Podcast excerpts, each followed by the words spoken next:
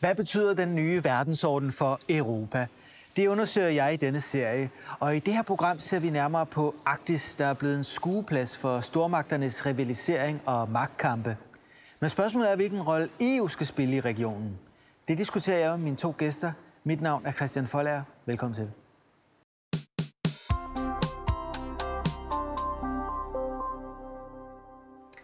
Og også velkommen til mine to gæster. Martin Breum, journalist og forfatter. Du skriver meget om øh, Arktis. Hvordan har du fået interesse for det? Jamen, der sker uendelig meget i den arktiske del af verden, som er vigtig for os i Danmark og Europa. Der er bare alt for få, der ved noget om det, og derfor så bliver der truffet en masse beslutninger, heldigvis for det af dygtige mennesker, men de bliver ikke udsat for ordentlig demokratisk debat. Og derfor har jeg sat mig for at medvirke til at kaste lidt lys i mørket og fortælle, hvad der sker i den arktiske del af verden, også her i rigsfællesskabet i Danmark, men også i det bredere Arktis, fordi det er så utrolig vigtigt for alt, hvad der sker i Danmark og Europa, og så vi får en ordentlig demokratisk debat om det. Så tak for invitationen. Jamen selv tak, og hvis man vil følge med, så er det blandt andet i Weekendavisen, at man kan læse dine øh, artikler. Og også velkommen til dig, Martin Lidegaard, tidligere udenrigsminister og medlem af Folketinget for Radikale Venstre. Du har også en stor interesse for Arktis. Øh, hvordan er den opstået? Jamen, min familie først og fremmest har boet øh, mange år i Grønland, og jeg har selv kommet utrolig meget i Grønland, øh, nærmest hvert år, tror jeg, i, i hele mit liv, og kender derfor også rigtig mange mennesker i Grønland. Øh, så det har min naturlige personlige interesse, men så er det jo fuldstændig rigtigt, som den anden Martin siger, at det her tema er jo nok det område, hvor Danmark har mest at skulle have sagt udenrigspolitisk i verden. Øh, fordi vi er en lille småstat på alle andre områder, som, som har beskeden betydning, hvis vi skal være ærlige. Men på det her område, der er vi faktisk en stormagt kvæg rigsfællesskabet, øh, Grønland og Færøerne. Øh, det har haft meget lidt opmærksomhed i, øh, i Danmark. Men det har fået mere, skulle jeg hilse at sige, øh, i de seneste år, efter Trumps køb især. Men simpelthen også fordi, at nu smelter isen deroppe. Nu begynder transportruterne at åbne sig, og nu begynder stormagternes interesse virkelig at gøre området til et hit politisk tema. Og der er for en småstat som Danmark, der bliver det jo interessant og svært. Og man, I den grad. Ja, Martin. Hvis jeg må tilføje bare lidt polemisk til det, øh, Martin Lidgaard siger. Jeg er fuldstændig enig. Øh, men der er jo det interessante ved det, når man øh, siger, at rigsfællesskabet er en arktisk stormagt. Det er jo rigtigt, at det fylder kolossalt meget, men det er det jo kun i kraft af Grønland. Øh, I Grønland der er der en del, der tænker, hmm, når danskerne siger, at vi er en arktisk stormagt, nej, det er vi ikke. Grønland er en arktisk stormagt, og så er der to andre dele af riget, der hænger sammen med Grønland. Det jeg så øh, har inviteret ind for at tale om, det er det her kapløb om Arktis og hvordan øh, Europa skal forholde sig til det. Det blev jo lidt indledt i 2007, da russerne pludselig plantede et flag på Nordpolen ved hjælp af sådan nogle mini-ubåde. Hvorfor er det, det her kapløb er blevet sat i gang? Altså, Martin var lidt inde på noget med isen smelter. Hvad, kan du sige lidt om, Martin, hvad er, det, hvad er det, der sker? Hvad er det, der forandrer sig? Ja, jeg tror, jeg tror, det er værd at hæfte sig lige ved det flag, du nævner, som to russiske mini-ubåde plantede i 2007. De dykkede fra selve Nordpolen et hul i isen, sendte de to små øh, ubåde 4.300 meter ned på bunden, og bang, med en robotarm planter de øh, det russiske flag på bunden.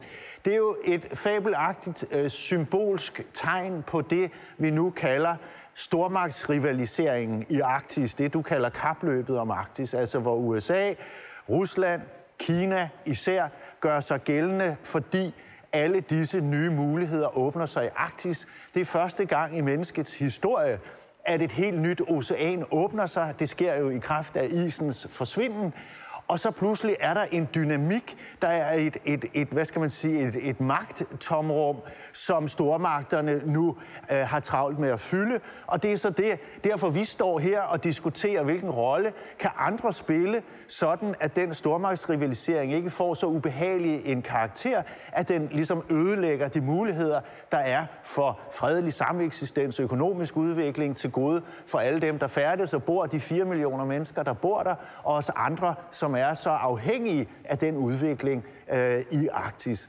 Så det, der i øjeblikket finder sted, det tror jeg, man, man bedst kan karakterisere ved en, en hastigt eskalerende stormagtsrivalisering, hvor især øh, amerikanerne inden for de sidste to år har, lad os sige, mobiliseret en kolossal øh, masse kræfter, både militært og diplomatisk og økonomisk, som de nu sætter ind øh, for at inddæmme Kinas interesser i området, og så for at modvirke det, som amerikanerne ser som en alt for overdreven russisk militarisering af det arktiske. Og der sidder vi jo så, som Martin Lidegaard så fint øh, siger det, i virkeligheden med nogle ret enestående muligheder for at påvirke situationen, sammen med EU måske, eller øh, kvæg andre øh, alliancer, som vi som en slags arktisk stormagt øh, kan skabe. Martin, du har jo siddet inde i det politiske maskinrum og været udenrigsminister. Er der et kapløb i gang? Føles det også sådan, når, når man sidder med magten og er med til ministermøderne i EU, og der er sådan en stor politisk rivalisering? Altså, sådan føltes det ikke, da jeg sad der. Øh, det er jo fem år siden allerede, og, øh, og dengang var det svært at få EU til at interessere sig for det her. Jeg inviterede den daværende øh, EU's udenrigsminister, højstående repræsentant, mange gange derop. Jeg inviterede øh, John Kerry, der var udenrigsminister i, øh, i USA, og de var alle sammen venlige og sagde, det ville vi meget gerne, men de kom sgu aldrig. Den eneste, der kom, det var den franske udenrigsminister. Men nu sker der noget, altså det er der ingen tvivl om. Øh, og, og, og hvad der lige har trigget det, kan man diskutere.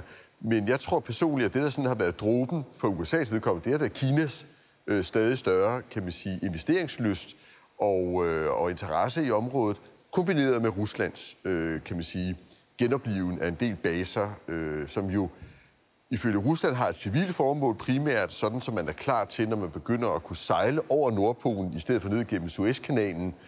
Øh, og det er der også noget om. Altså, der skal jo være forsyningssteder, der skal være beredskab. Men det er klart, at alle de flybaser og flådebaser kan jo også anvendes militært. Øh, og, øh, og det ved russerne udmærket godt, og det ved amerikanerne i særdeleshed. Og derfor så er det bare blevet hot øh, på en anden måde, øh, og det er det også nu. Øh, og på den måde, øh, så, så øh, skal vi til at indstille os på i Danmark også, at det her er noget, vi kommer til at prioritere mere og mere. Og hvis du skal komme et eksempel, øh, da vi forhandlede forsvarsforliget for det nuværende forsvarsforlig for fire år siden, der kæmpede vi for at få lidt ind til Arktis. Og folk synes, vi var sådan lidt skøre. Og så lavede man en stor rapport, hvor man sagde, okay, vi kan godt bruge 130 millioner kroner, hvis vi virkelig vil, men så kan vi altså heller ikke bruge mere. Og det puttede vi så ind, og det var umuligt at få forsvaret til at sige, at der var brug for flere investeringer derop. Så kom Trump, og så kom kravet op, at vi skulle til at have lidt mere overvågning og sådan noget. Og bum, ud af den blå luft kom behovet for halvanden milliard i øget kapacitet til Arktis, som vi vedtog her for 14 dage siden. Øh, og nu er alle enige om, at det ikke nok. Der skal klart mere fokus. Det er bare sådan, altså hvor hurtigt det er gået, ikke på 3-4 år i både dansk forsvarspolitik, dansk udenrigspolitik og, og i øh, også det interne forhold. For det er jo rigtigt, som Martin Breum siger. Vi er ingenting i Danmark syd, om jeg så må sige, alene. Øh, og derfor er den vigtigste forudsætning for, at vi kan håndtere denne situation, det er, at vi har enighed internt i rigsfællesskabet. Og det har vi ikke altid. Øh, og grønlænderne synes på mange måder, at vi har bestemt for meget på det udenrigs- og sikkerhedspolitiske. Og der vil du også kunne se et ryg i det danske politiske landskab, hvor den danske udenrigsminister og statsminister siger ting, der var utænkelige for bare 3-4 år siden, nemlig kom, grønlænder, I skal selvfølgelig være med til at definere vores fælles udenrigs- og sikkerhedspolitik, og det er ikke bare Danmark, der skal det. Det skal vi gøre sammen. Og det mener vi, fordi vi er godt klar over, at vi er en meget lille spiller, hvis ikke grønlænderne har lyst til at arbejde sammen med os. Omvendt vil jeg våge den påstand, at der også er kommet en større bevidsthed i Grønland og Færøerne om, at det måske egentlig ikke er det værste sted at have et samarbejde med en anden småstat, nemlig Danmark, ind og, altså i det her lidt stormfulde hav, vi sejler ud på nu.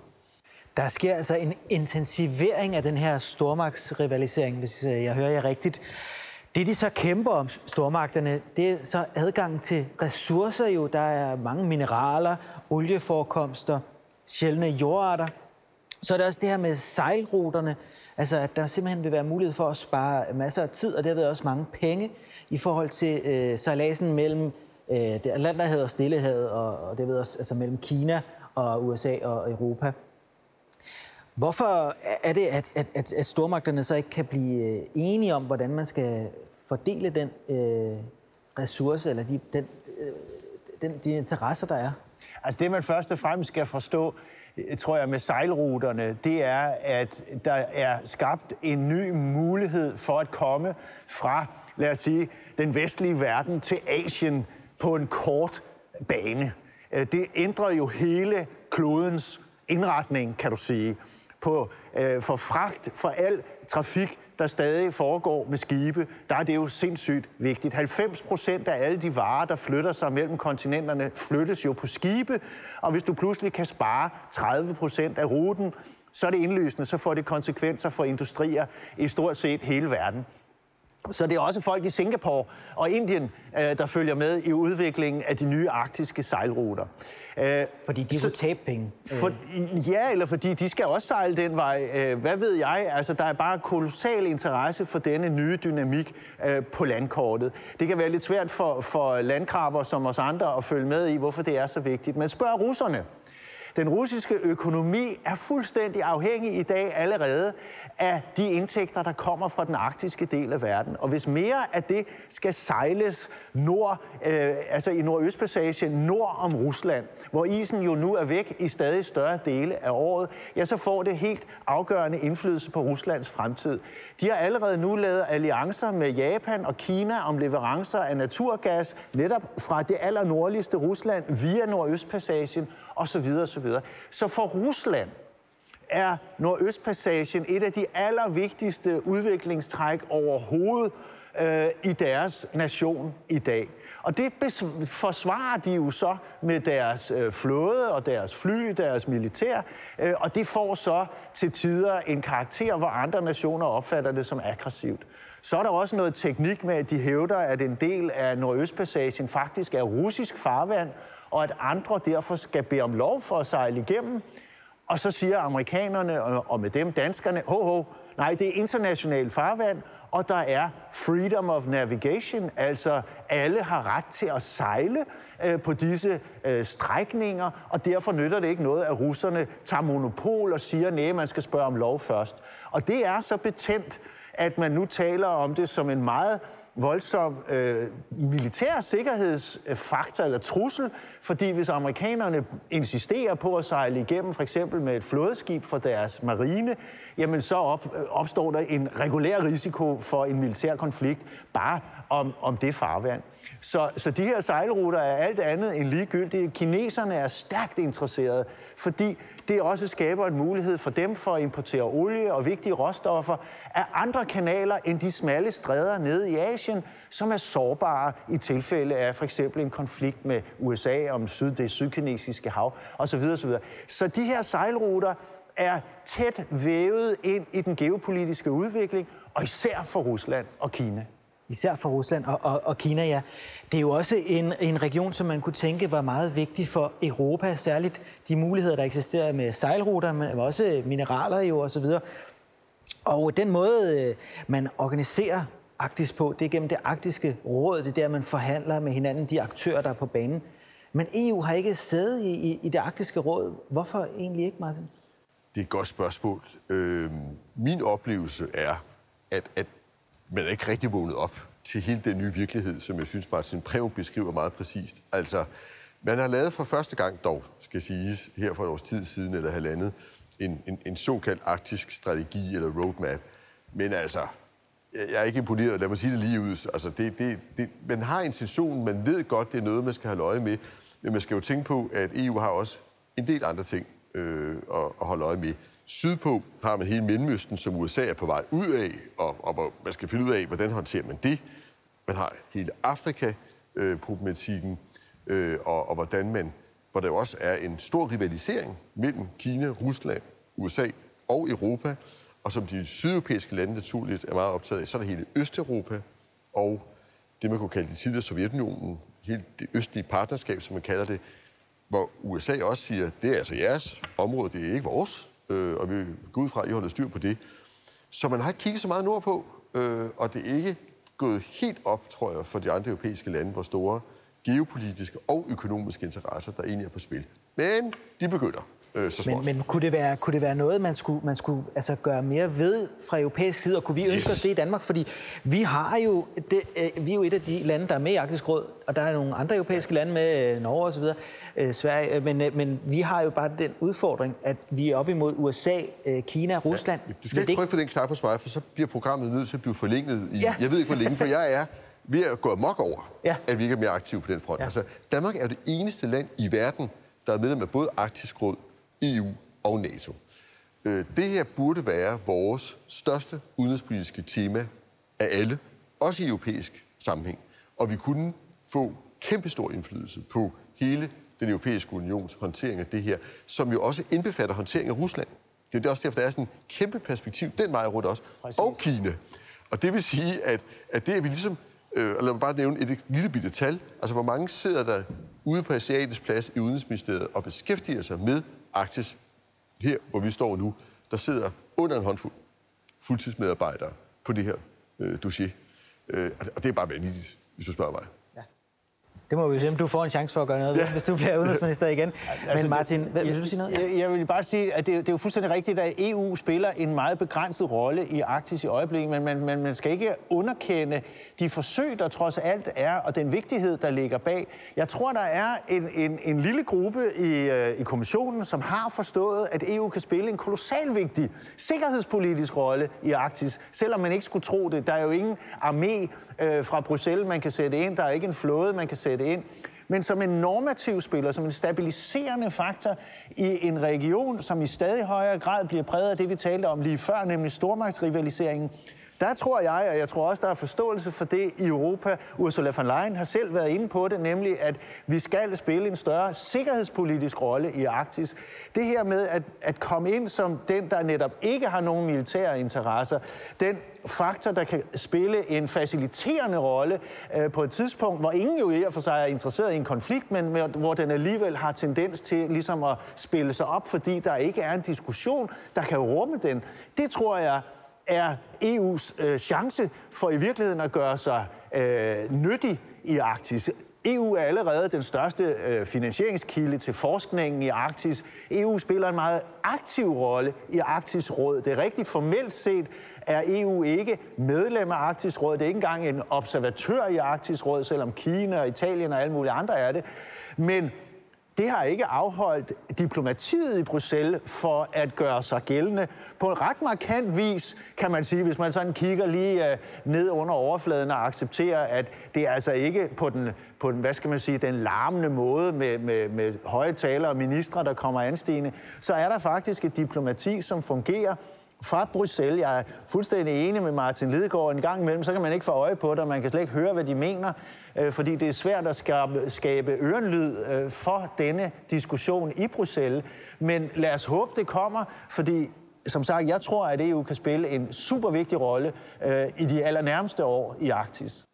Sikkerhedspolitisk, der fylder amerikanerne rigtig meget øh, på Grønland. Øh, vi er jo også med i NATO sammen med amerikanerne. Kunne man forestille sig, at vi fik hjælp også fra europæisk side øh, i forhold til at løfte den opgave på øh, Grønland, som vi jo står øh, ret alene med, kan man sige, øh, altså i hvert fald officielt. Og vi har lige indgået et, et nyt forlig, hvor vi øger budgetterne i forhold til vores øh, forsvar deroppe. Men kunne vi have brug for hjælp fra EU's side, Martin? Altså, hvis du tænker sådan militært og forsvarspolitisk, så, så ser jeg ikke lige det for mig. Øh, Jeg er meget mere nede af den sti, som Martin Breven beskriver, altså faciliterende en fredelig, lavspændings, bæredygtig udvikling i området, ud fra en eller anden international verdensordens perspektiv, rule of law og sådan noget der. Der, der kunne EU spille en helt afsindig vigtig rolle. Og det, der er interessant her, er, det har alle stormagterne en interesse i. Fordi ingen af dem kan tåle, at en af de andre får the overhand her. Alle har brug for at kunne bevæge sig i området, transportere sig. Alle har brug for at kunne få adgang til ressourcerne på sådan nogle ordentlige vilkår, hvor man kan få investorer med, og, og hvor der sådan er nogenlunde stabilitet.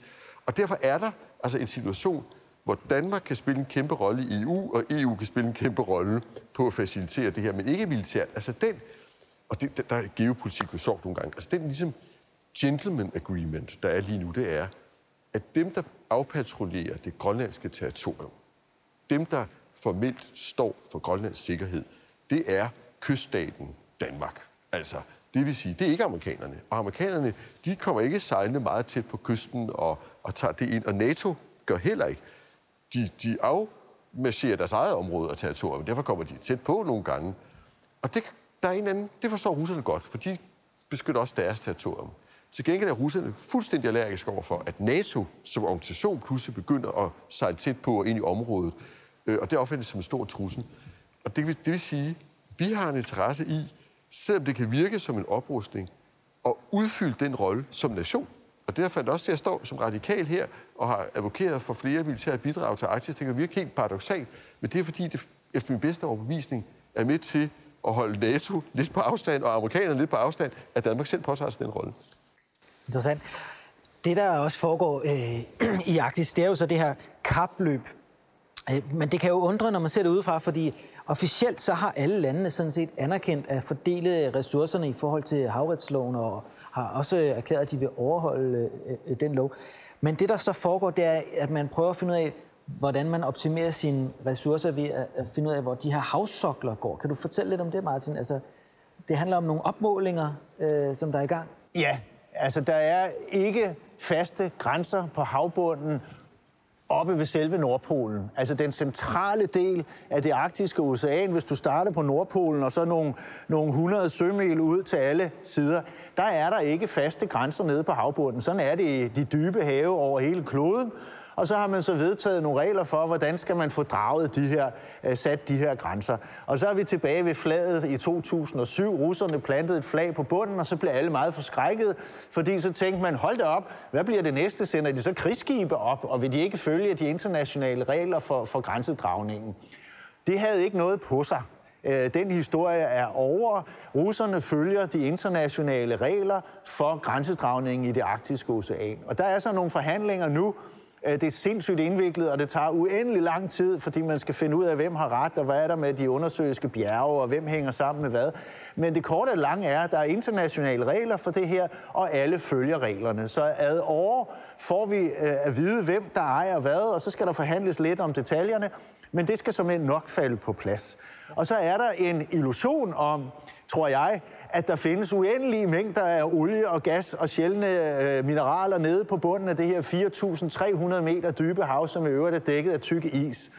Øh, det er lidt en det er lidt en pressehistorie, at der er et kapløb om olie øh, og mineraler i den del af Arktis. Det er simpelthen en misforståelse, for der er ingen geologer, der har sagt, at der er noget at komme efter.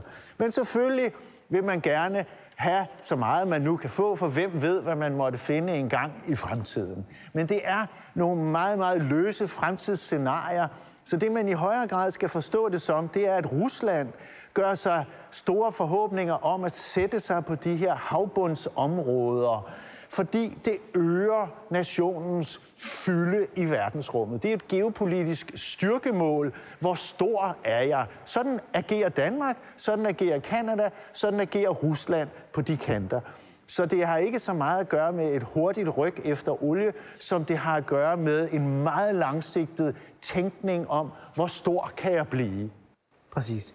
Og det, det kan man jo sige, det øh, har du så oplevet som politiker, de her tvister øh, om, om, om havbunden.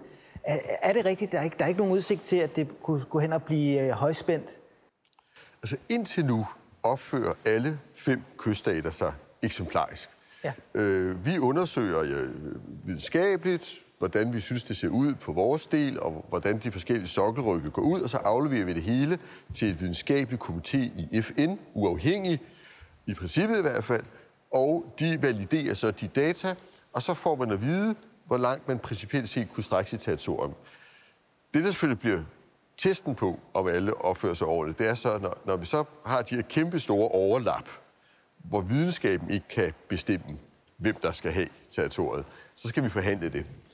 Men jeg, jeg deler faktisk øh, Martin Breves optimisme. Og, og nu kommer ja. jeg jo pludselig i tanke om noget, det er ved at være nogle år tilbage, men Martin Lidegaard var jo minister, var udenrigsminister på det tidspunkt, hvor Danmark sammen med Grønland formulerede det dansk-grønlandske krav til grænserne op ved Nordpolen. Og her lancerede Martin Lidegaard sammen med sin grønlandske kollega jo et helt overvældende, overraskende, stort og i nogens øjne i og for sig et næsten provokerende stort krav helt over til russisk farvand. Det har jeg altid undret mig over, hvad der foregik inde i det politiske værksted øh, lige i de timer, hvor den beslutning blev taget. Jeg er aldrig blevet helt klog på, hvorfor russerne skulle provokeres øh, på den måde, for det var provokerende. Russerne blev rasende, det ved vi. Øh, det er dokumenteret, efterretningstjenesterne siger det offentligt nu. Øh, jeg tror også, at russerne vil, vil, vil vedstå sig en vis, øh, hvad skal man sige, irritation i hvert fald, over det, der skete dengang. Så det kunne vi jo øh, måske ja, det var få netop derfor, nu. jeg spurgte, om, det var, om der kunne være risiko for, at det blev højspændt. Altså, fordi Danmark har jo interesser her, men vi er en lille nation og har, har også gjort krav på meget, som Martin rigtig redegør for. Ja. Er der ikke en risiko men, men for, at vi spiller dag, for højt spil? Øh, jeg vil da godt i dag afsløre, at den diskussion øh, foregik jo selvfølgelig øh, også i mit hoved. Øh, men hvis man har en proces, hvor man bliver enige om, at man følger de videnskabelige data, og derefter forhandler man, så endte jeg med at tænke, det er også lidt mærkeligt, at hvis man har valide, uafhængige videnskabelige data, der viser, at den der sokkelryg altså fortsætter helt over til den russiske sømilgrænse, øh, meget længere end vi troede, og russerne troede, skal vi så ligesom slå krølle på de videnskabelige data og sige, at ah, vi gør lige kun krav på halvdelen? Det synes jeg også var en mærkelig beslutning at tage. Ja, øh, det, var det, bare, det var den beslutning, russerne tog. De gjorde krølle på sig selv og satte deres streg ikke helt nede ved Grønland, men meget længere op nordpå, så det ikke blev, hvad skal man sige, netop øh, lidt aggressivt at se på. Nu en kort Ja, men, men, men de havde rigtig videnskabelige data til mere, som jeg øh, forstod det. Altså, det kan så være, at de får det nu, hvor de er jo i gang, som du selv har skrevet om i weekendavisen. Så kan det være, at de kommer. Men altså, min pointe er her. Russerne blev lidt pikeret, men de accepterede sådan set, at spillereglerne var overholdt. Nu, nu er de så selv i gang med at prøve at kigge på, om der er andre højderykke. Ja. Og mit gæt er, at altså, by the end of the day skal man så sætte sig ned, og det tror jeg på, vi kan. For alle har en interesse i, at der er fred deroppe, for ellers kommer der ikke nogen investorer til at, at hverken havnene eller transporterne øh, eller ressourcer, hvis der skulle være nogen alligevel, selvom vi ikke kender så meget til det. Men, men, men selvfølgelig... det, det, det, hvis jeg må, ja, det, det er jo et vidunderligt eksempel, synes jeg, på hvor meget der er på spil i Arktis, og hvor hurtigt tingene kan gå galt, fordi det på mange måder, ikke bare det vi lige har talt om, men på fiskeri, på minedrift, på transport, på militær øh, trafik, jo i en eller anden forstand stadig er relativt ureguleret område. Der er ikke en vanedannet øh, praksis for, hvordan man skal opføre sig hverken på den ene eller den anden front i Arktis. Og det betyder jo, at alle prøver sig frem, og hvis ikke man på forhånd har et regelsæt eller en kodex eller en forståelse for, hvordan det skal foregå, jamen så er det, man løber ind i de her risici lige pludselig, så opstår der spænding om noget, som ingen har interesse i. Øh, og her er det, at man så lidt famlende måske leder efter nye måder at løse problemerne på. Kunne EU spille en rolle for eksempel som normsættende, som stabiliserende faktor, som vi allerede har talt om? Og det tror jeg er en mulighed. Der er andre muligheder, man kan se på. Der er folk, der siger, nej, lad os frede hele det arktiske område, lad os lave det til en, en verdenspark, lidt ligesom Sydpolen. Det er ikke mere end et par uger siden, at 140 internationale miljøorganisationer endnu en gang hævede flaget og sagde, at vi skal frede hele Arktis, inklusiv Grønland, hvor al minedrift og olie- og gasefterforskning skal være forbudt. Øh, fordi ellers kan vi ikke beskytte dette øh, fabelagtige naturområde, som Arktis er. Så der er uendelig mange forskellige synspunkter på, hvad der bør ske i Arktis. Og det, der eneste, der er helt sikkert, det er, at der er rigtig meget, der kommer til at ske. Det er der helt sikkert ingen tvivl om. Et andet sted, hvor der er øh, tvist og, og splid, øh, eller i hvert fald interessekonflikter, det er jo øh, Grønland. Øh, og der har Danmark jo i den grad en rolle at spille. Blandt andet øh, har man jo set fra amerikanernes side øh, det her berømte forslag fra Trump om at, at købe Grønland. Øh, var det også et udtryk for, at amerikanerne nu går mere helhjertet ind i Arktis og prøver også at signalere over for både russerne og kineserne, altså hold jer lige væk, det her det er vores? Ja, øh, amerikanerne har altid haft en meget stærk interesse i Grønland, og det er ikke første gang, de har givet et tilbud på at købe det her kæmpe, kæmpe stykke land øh, til Danmark. Øh, og Danmark har hver gang takket nej i øvrigt i enighed med dem, der har repræsenteret grønlænderne under forskellige former øh, og gennem tiderne. Øh, og det er en delikat balance. Amerikanerne betragter det som deres, kan man sige, bagland. De har Thulebasen, som er nøgleinstitutionen til forsvar af det amerikanske territorium. De opfatter Grønland som deres baghave. de har accepteret, at, øh, at det altså ikke er, om man så må sige, under deres øh, ledelse politisk, men det er det jo for alle praktiske formål militært. Grønland og Danmark har indtil i dag været enige om, at det var nok en fordel. Øh, øh gennem undervejs har Danmark taget beslutninger uden at rådføre som grønlænderne, skylder jeg også historisk skrivning og sige.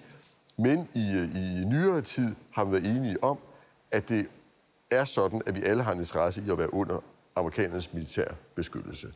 Men vi har også været enige om, at vi vil gerne have, at de er på Thulebasen, men vi er egentlig ikke specielt interesseret i, at de er meget mere tilstedeværende militært i resten af Grønland, og, og slet ikke massivt øh, med masser af mennesker og baser og den slags ting.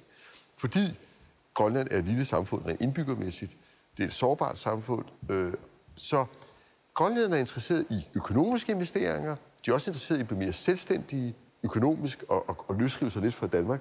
Derfor vil de gerne have amerikanske investeringer, og kinesiske, og europæiske. Og så er der selvfølgelig en politisk diskussion i Grønland om, men, men altså, hvad, hvad skal den selvstændighed gå ud på, og kan vi være det altså, i vores egen ret, eller skal vi ligesom læne os lidt mod Danmark stadigvæk, eller mod USA, eller og så videre. Og det, det er ligesom i Danmark en stor diskussion. I Danmark er vi nok mere enige, end de er i Grønland. Vi vil bare gerne beholde Grønland som en del af et fælles, men vi er blevet meget opmærksomme på, det, det tror jeg, tør jeg godt sige, helt ude fra det yderste venstre til yderste højre. Vi er også enige om, at det er Grønlands eget valg, og at vi derfor er nødt til at gøre vores hoser noget mere grønne over for grønlænderne. Altså gøre det meget klart for dem, hvad vi kan tilbyde. Også lidt mere kontant, end vi har været vant til. Øh, og det er en proces, der pågår hele tiden. Øh, og, og som jeg nævnte tidligere, noget af det, hvor vi virkelig har set en forandring i dansk politik på det her område, det er, hvor meget vi inddrager Grønland og Færøerne i vores udenrigs- og sikkerhedspolitik. Og det er vi ikke færdige med at se flytte sig, tror jeg. jeg det, vi, det, vi, det, vi diskuterer i, i den her serie, det er også, hvordan Europa skal forholde sig til den nye verdensorden. Og kommissionens øh, formand, Ursula von der Leyen, taler om, at Europa skal lære at tale magtens sprog, øh, at Europa skal være en geopolitisk aktør. Hvis vi skal se på de interesser, de europæiske lande har i den arktiske region, er vores bedste kort så stadig at alliere os med amerikanerne og, og, og håbe på deres øh, beskyttelse? Er det det bedste for Europa og for Danmark i forhold til Arktis, eller skal vi øh, i stedet satse på at få en mere selvstændig stemme som europæere? Ja, jeg synes, at EU skal, skal gøre rigtig meget mere end i øjeblikket for at få indflydelse i Arktis. Øh, men man er nødt til først at fortælle, hvorfor man gør det, fordi det bliver ofte misforstået i Arktis. Grønland meldte sig ud af det europæiske fællesskab i 1983 efter 10 års øh, medlemskab. Da de endelig fik chance, skyndte de sig at melde sig ud. Norge har aldrig meldt sig ind. Islændingen vil ikke røre ved EU. Færingerne vil heller ikke være med. Og det handler alt sammen om fisk. Der er en forestilling i Nordatlanten om, at europæerne kommer, og hvis de kommer, så tager de fisken. Øh, og før man får lagt det spøgelse i graven, jamen så bliver der ikke meget forståelse for EU's rolle i Arktis. Så man er nødt til at melde meget klarere ud, hvad det er for interesser øh, EU vil øh, pleje i det arktiske. Det har man arbejdet på nogle år, men det går rigtig, rigtig dårligt så skal man også få lagt den, øh, på en eller anden måde skal man anerkende, at det man gjorde med sælerne, det var en fejl. Man har ødelagt sælskinsindustrien i Grønland fuldstændigt ved et forbud øh, mod sælskin i Europa. Der er en lang historie, men EU, den, har, lavet det. EU har lavet et forbud mod sælskin, øh, og det har ødelagt øh, hele handlen med sælskin i Nordlanden. Det er en katastrofe og det er det stadigvæk. Så den skal man også ligesom have sagt undskyld for og gjort noget ved det. Men når det så er sagt, så tror jeg, som jeg sagde tidligere, at EU kan sagtens spille en stabiliserende rolle, en sikkerhedspolitisk stabiliserende rolle i Arktis. Det gør man allerede på forskellige vis. For eksempel Copernicus, tror jeg det hedder, det store satellitprogram, som man stiller til rådighed, undskyld, for de arktiske kyststater, til øh, redningstjeneste, til fiskerikontrol og hvad det nu ellers kan være. Super vigtigt element. Og så kan man spille på rigtig mange tangenter fra EU's side. Jeg kunne også tænke mig at høre øh, dit bud, Martin, for det er jo en af de store diskussioner, øh, der foregår nu i Europa, også i forhold til, at man skal blive en geopolitisk aktør. Og der er den her scene jo øh, en af de mest interessante, for her ser vi det, der gør, at EU begynder at reagere, nemlig rivalisering mellem amerikanerne, russerne og kineserne. Og det overordnede spørgsmål for europæerne er jo selvfølgelig, hvilken vej skal vi gå? Skal vi alliere os med amerikanerne, Skal vi stå i egen ret mere alene, eller skal vi øh, på en eller anden måde spille stormagterne ud mod hinanden? Hvordan ser du Europas øh, vej frem, hvis nu skulle være i forhold til Arktis? Hvad er vores vigtigste øh, kort? Men, men det er jo en rigtig analyse i hvert fald. Lad os starte der. At den nye multipolare verdensorden, for at bruge et fint ord, vi kigger ind i, hvor vi ikke længere har én supermagt, der kan være politibetjent for altså resten USA. af verden, USA. Ja. Øh, de hverken kan eller vil. Også på grund af alle de krige, de har haft så dårlige erfaringer med. Og det siger de jo meget klart. De siger det på lidt forskellige måder. Obama sagde det på sin måde, Trump på sin, og Biden siger det samme nu. Og budskabet er jo til Europa, tag mere ansvar selv under forskellige former. Og det skal Europa selvfølgelig gøre. Men med til det hører også, at Europa får større bestemmelse på, hvordan de så vil gøre det, og hvad de synes, der er vigtigt i den nye verden, vi kigger ind i. Og der er både, øh, der er der en ret store nuanceforskel, øh, efter min mening. Altså, der er ingen tvivl om, at USA er vores vigtigste militære allierede. Men når vi snakker klima, når vi snakker øh, bekæmpelse af, af økonomisk ulighed i verden, når vi snakker Arktis øh, og, og, og hele det bæredygtige udvikling deroppe, så er der store nuanceforskelle på øh, det, der sådan er mainstream europæisk opfattelse af, hvor verden skal gå hen, og mainstream amerikansk, afhængig af, hvem der sidder, også som administration ikke, i USA. Øh, og der bør altså, Europa tage et, tage større forsvarspolitisk ansvar i nærområderne, og tage større økonomisk ansvar for nærområderne, inklusiv Arktis. Herunder kæmpe for, også på det arktiske område, men også på handel og klima, for det, man kunne kalde en regelbaseret verdensorden med et fint ord. Altså, at man har nogle fælles regler, alle store magter, uanset hvor uenig man er om alt muligt andet, når det gælder handel, når det gælder, hvordan man rejser i Arktis, når det gælder, hvordan man håndterer klimaet, der spiller vi på samme regelsæt, også selvom vi har divergerende interesser. Det er Europa alene, der kan bære den verdensorden frem, også i Arktis. Og det er Europas chance og rolle, og den selvbevidsthed og enhed, det kræver, er der ikke endnu.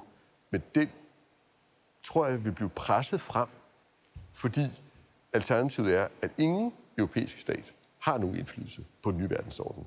Og det vil alle trods alt gerne have. Og kort til sidst, ja, Martin. Ja. ja, hvis der er tid til, til et, et kort, konkret øh, område, hvor jeg tror, at EU kan spille en langt større rolle i Arktis, det er ved at facilitere dialogen med Rusland. Rusland er og bliver den store arktiske magt. Det kan man se på et landkort. Rusland er gigantisk i Arktis. 40.000 km kystlinje. Et fuldstændigt øh, enestående arktisk land. Og EU har muligheden for at facilitere dialogen med russerne, som er meget interesserede i at samarbejde med andre i Arktis. Der sker bare for lidt.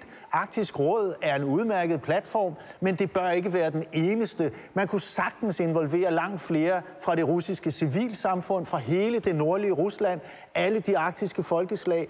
Hvorfor er de ikke med til klimakonferencerne? Hvorfor er de ikke med til forskningskonferencerne i langt højere grad i Europa?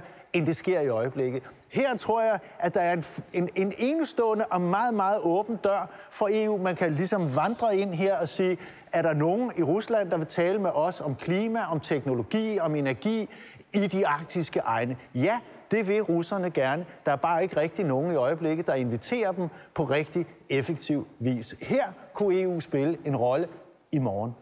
Det bliver interessant at se i hvert fald, hvad der sker. Jeg er sikker på, at Arktis også vil fylde meget de næste 10 år. Jeg vil sige tusind tak, fordi I kom, Martin Breum og Martin Lidegaard. Og også tak til jer derude, der fulgte med. Husk, at vi snart er tilbage med et nyt afsnit om Europa og den nye verdensorden.